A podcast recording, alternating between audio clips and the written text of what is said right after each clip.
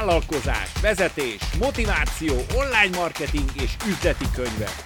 Én Parajd István vagyok, és ez itt a Sikervitamin Podcast.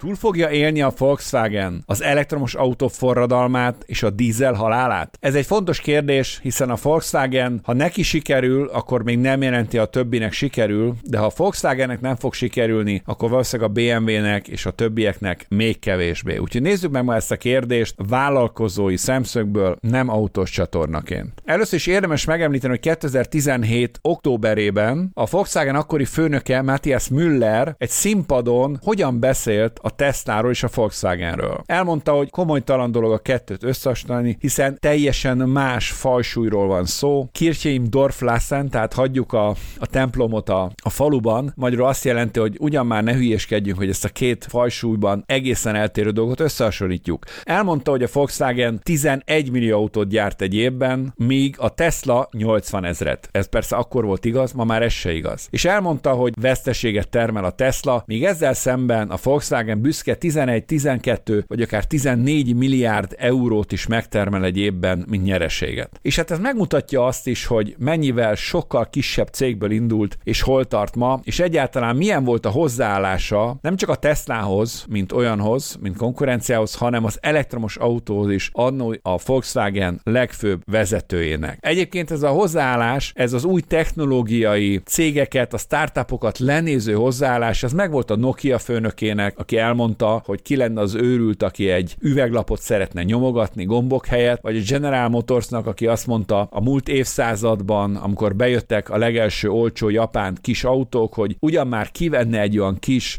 használhatatlan japán kis autót, egy kis Toyotát vagy Hondát, amikor Kedilekkel is utazhat. Hát meg kell nézni, hogy mi lett mindezekből a cégekből, vagy akár Detroitból az autógyártás amerikai fellegvárából. De ugorjunk egy kicsit időben, és nézzük meg, hogy mi történt ezután. A Volkswagen vezetése az elektromos autót elég komolyan kezdte venni, vagy egyre komolyabban, és lassan álltak rá a fordulatra, de elkezdtek végre elektromos autókat gyártani, igaz nem elektromosra tervezve, mint a Tesla, hanem a Golfot és a Volkswagen Up-ot alakították át, és meg kell mondani sikeresen, mármint nagyon jól működtek az eladások, inkább várakozni kellett rá, mint eladási gondjaik lettek volna, de végre megérkezett az ID3-as, ugyan késve, ugyan szoftver nélkül eleinte, de a Volkswagen is belépett az elektromos autók korába. És a vezetés úgy tűnik, a zászlójára tűzte az elektromos autót Herbert Diess új elnök vezetésével. És egy érdekes dolog történt, amire rácsodálkozott a világ. Én magam se értem, hogy mi volt a célja vagy az oka, de 2020-ban, szeptember 3-án este 19 óra 44 perckor a Brandenburgi reptéren egy esős estén találkozott Elon Musk és Herbert Diess, a két legnagyobb konkurens vezetője, ami látható láthatóan megmutatta, hogy mennyire más a két cégnek a kultúrája. Hogy miért hívta meg Herbert Diess, magyar a Volkswagen elnöke, Ellen Muskot, és mutatta meg, és hát eléggé szerénykedett, ugye, az ID3-assal, hogy ez, ez nem egy ilyen performance autó, ez csak egy ilyen kis egyszerű kis német autó, szóval nagyon érdekes, hogy maga Diess beszél a saját termékükről, de hogy miért csinálta ezt, ez teljesen érthetetlen, vagy legalábbis nehezen magyarázható, de minden esetre ez a szokatlan gesztus nagyon sok emberben kérdés kérdéseket vetett föl, hogy miért tesz ilyet a világ első autógyártója egy korábban elég komolytalannak vett konkurenssel, talán éppen, talán éppen a jövő munka adójánál mutatkozott be, mondják a rossz nyelvek. És ha tovább megyünk időben, akkor ebben az évben, magyarul 2021 vége felé egy vállalati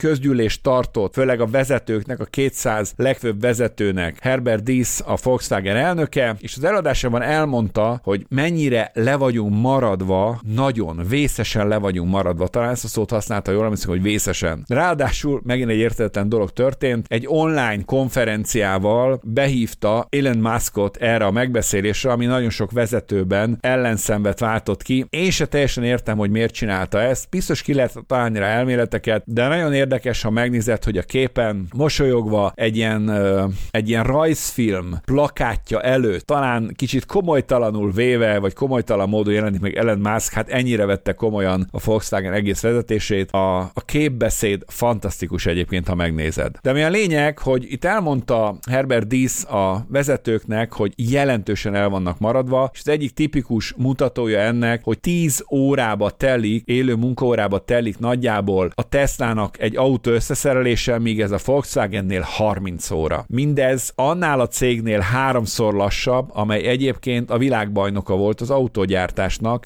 darabszámban, és a német precitás és a német hatékonyság egyik mintája volt. Tehát látható, hogy a saját kategóriákban, a saját versenyszámukban is jelentősen legyőzték, és erről beszél Herbert Diss, felismerve ezt. De nem csak erről van szó, hogy ebben lemaradtak, például ha megnézed, hogy hogyan sétálgatnak az összeszerelő szalag mellett a munkatársak, láthatóan ez nem egy hatékony, gyors, hanem ez egy szakszervezetileg védett, kényelmi munkát jelent, nevezhetnénk így is. Hát nem ezt látjuk a Tesla összeszerelő üzemében, ahol főleg robotok vannak egyébként. És szerintem dizájnban is nagyon lemaradtak. Mondhatni azt, hogy a Tesla sem feltétlenül egy szépség, de annamkor kijött egy modern, egy, egy olyan megjelenése van, ami azt gondolom, hogy a legtöbb embernek megnyerő. Az ID3-as viszont egy, hát mondhatni, hogy egy gyenge másolata, a nevében is egyébként, ez az ID3-mal abszolút a Golf Passat és Sirocco és Polo ezután abszolút, meg az Up után egyáltalán őrült és nagyon buta ez az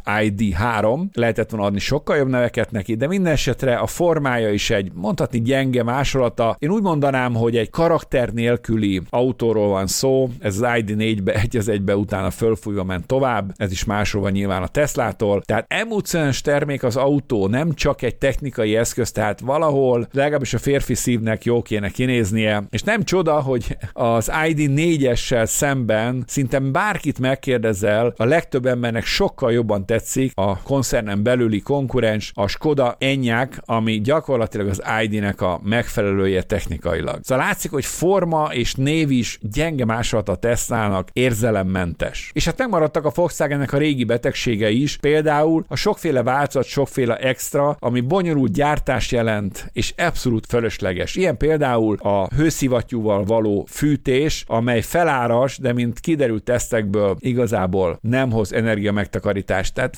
fölösleges kétféle fűtő berendezést építeni, kétféle elektronikát, kétféle módon megoldani. Ez a butaság, ez azóta is megvan és folytatják. Gyakorlatilag a Tesla-nál vagy máshol ez szinte egyáltalán nincsen meg. És hát sokkal okosabb lett volna, hogyha a hibás, elavult régi stratégiák helyett például nem azt tették volna, mint eddig, hogy az alkatrészeket megvásárolják beszállítóktól, és folyamatosan lenyomva az árakat minél többet akarnak keresni rajta, hanem azt tették volna a sok-sok, ahogy hallottuk, 10 milliárdos nyerességből, hogy osztalék helyett felvásároltak volna technológiákat. Ahogy a Tesla teszi, a Tesla például két olyan dolgot tett, és megmutatta, hogy, hogy merre kéne haladni, ami mértékadó volt. Az egyik, amikor megvásárolta egy kanadai céget, a piacvezetőt, aki az akkumulátor gyártó szalagok gyártásában a piacvezető volt a világon, és megvásárolt egy német autó összeszerelő üzem gyártót is, amely gyakorlatilag a összeszerelő szalagokat gyártja, egyezőben felrakta repülő és elvitte Amerikába. A Volkswagennek mindig az volt a stratégia, hogy vegyünk meg olcsón, zsigereljük ki, amennyire lehet az árral. A beszállítókat, a Tesla azt mondja, vegyük meg, és adjuk meg minden eszközt a fejlesztéshez. Nyilván nem ugyanolyan sebességgel fejlődnek. Ehelyett persze a Volkswagen osztalékba osztotta ki a milliárdjait, és érdekes egyébként, amit a régi elnök büszkén mondta, hogy hát 13-14 milliárd nyereséget is csinálnak, és most a Tesla Brandenburgban, magyarul Berlin mellett összesen 4 milliárdból fog építeni, most fejezi be, egy olyan összeszerelő gyártóüzemet, amely gyakorlatilag kenterbe veri a teljes Volkswagen technológia, hatékonyság és minden egyébben. És még ezt jelenthetné azt, hogy ettől függetlenül, hogy a vezető szerepet nem tudja, lehet megszerezni a Volkswagen, de túl fogja élni és be fogja venni a kanyart az átállásban. Vagy mégsem? Hiszen történt egy nagyon friss dolog, méghozzá november elején, amikor bizony az üzemi tanács elnöke hát jelentősen beszólt Herbert Dísznek, és már mondják, hogy lehet, hogy az utódját keresik. Történetesen egy személyzeti értekezleten, ahol elmondta Herbert Dísz, hogy valószínűleg a, az anyavállalati központi üzem a Volksburgi üzemben, vagy a Volksburgi üzemben valószínűleg a modernizálás és a hatékonyságnövelés, robotizáció átalakítása miatt, illetve az elektromos autóról átállás miatt kb. 30 ezer főt jel kell bocsájtani. Az üzemi tanács ezen teljesen ki volt akadva, és Daniela Cavallos, aki, a, aki az elnöke ennek a üzemi tanácsnak, szinte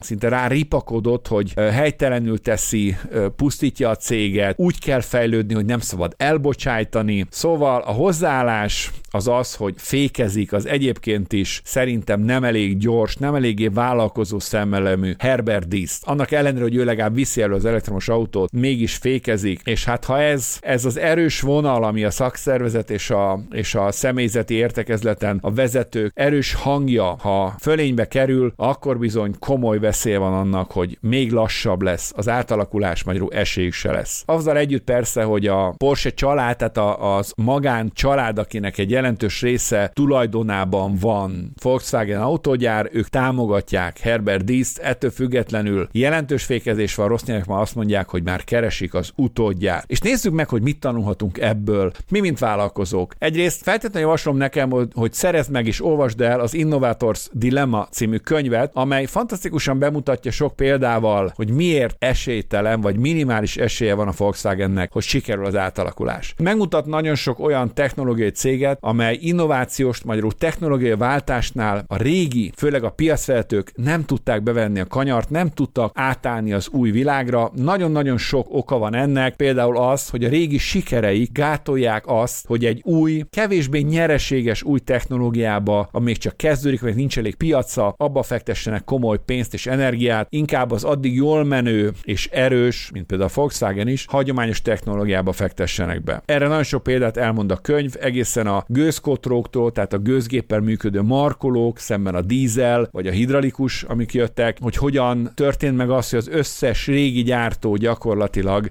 megszűnt vagy felszámolásra került. Ugyanez igaz persze, a példákat el, megmutatja az autógyártaktól elkezdve, ugyanez meg volt a okos telefonoknál, a Nokia esetén, és még sok-sok más terméknél, a HDD, tehát a mereglemez gyártóknál, komputergyártóknál, mikrokomputergyártók jó része nem tudott a PC felé áttörni, hiába volt meg a technológiai tudásuk, nem jó, nem jó irányba ültek a lovon. Úgyhogy a fejükre nőttek az újak, és van egy olyan kifejezés, amit érdemes megtanulni, hiszen e- most is ez történik, hiszen folyamatosan túlfejlesztik a dízelautót, persze természetesen az előírások miatt mondják ők, de ez magában egy hazugság, mert az előírások, mármint a károsanyag kibocsátási korlátok nem azt mondják, hogy 350 lóerős autót kell gyártanod dízelben, ez csak az autógyártók teszik, hogy még drágában tudják eladni. És ez a kifejezés, amit meg kell tanulni, és érdemes elgondolkozni rajta, az overengineering, ami azt jelenti, hogy például egy Audi S6-os, vagy S8-as, vagy egy Mercedes AMG 65-ös, az már egy olyan versenyautó, ami valójában talán egy-két helyen lehet használni Németországban, őrült szágoldozásra, de gyakorlatilag egy tökéletesen értelmetlen, az igényeken messze túlfejlesztett termékről van szó. Tudom, ez is kell, tudom, luxus, ez mind érthető, de egy valóban túlfejlesztett termékről van szó, és maguk egyébként az A4-es, ami nem a csúcsmodell, vagy az A Merci, a legkisebb Merci is, tulajdonképpen már olyan szinten túlfejlesztett, túl bonyolított, túl drága, hogy ezt a valódi igény már rég túlnövi. Ezt nevezzük overengineeringnek, és így tud fog, fokozatosan szerepet kapni és előre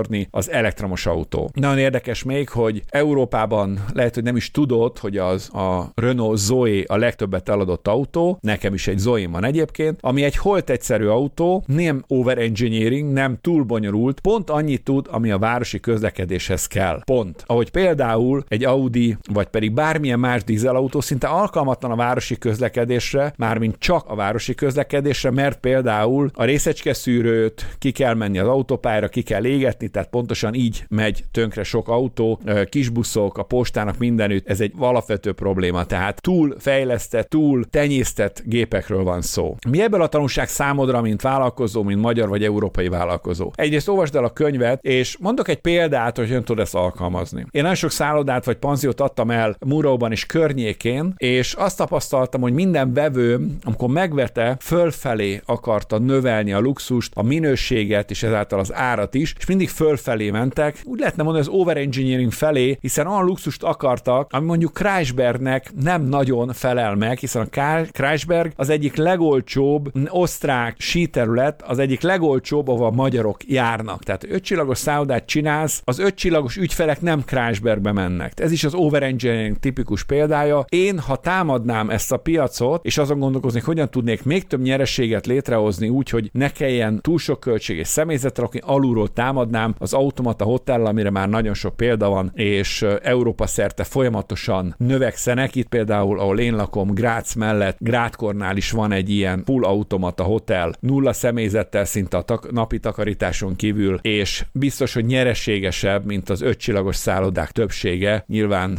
szobaszám vagy arányban nézve. Tehát nagyon fontos, amikor technológiai váltás előtt áll az iparágad, akkor a holnapra gondolj, ne a mai nyereségre, hogy az a Volkswagen most is teszi, és ezt úgy nevezzük, hogy destruktív innováció. A destruktív innováció azt jelenti, hogy egy beáratott technológiát az új technológia le fogja rombolni. És ez veszteségekkel jár, és ez az, amit például Cavallo asszony, Daniela Cavallo például szigorúan szinte megtilt a vezérnek, Herbert Dísznek, hogy nem lehet az a fejlődés útja, hogy embereket kell elbocsájtani. Már pedig ez a fejlődés útja. Úgyhogy azt kérem neked, hogy feltétlenül te is alkalmazd, és ne félj a destruktív innovációtól, ne félj akár a saját terméked modernebb, innovatív termékkel való támadásától, mert ez véd meg a konkurenciától, semmi más. És ha szeretnél ebben sokkal, sokkal jobb lenni, mint a konkurenciád, akkor tudom neked ajánlani a leghatékonyabb, ma létező leghatékonyabb coaching és oktatási rendszert, már pedig a Mastermindot. Úgyhogy ha ez komolyan érdekel, akkor a videó alatt tudsz csatlakozni, és tudsz további információt megkapni. Sok sikert kívánok neked, azt kívánom, hogy mi Magyarországon vagy Európában magyarok legyünk olyan innovatívak, legyünk mi azok, akik sikert hoznak, hiszen az országnak nem politikusokra van szüksége, amelyből van bőven elég, és hát egy sem mondható jónak, hanem bizony vállalkozókra, akiktől fejlődik az ország. Sok sikert, szép napot! Ha sínre akarod tenni a vállalkozásod, és meg akarod duplázni a nyereséged, akkor kérj háromszor másfél órás online mentorálást a sikervitamin.hu weboldalon.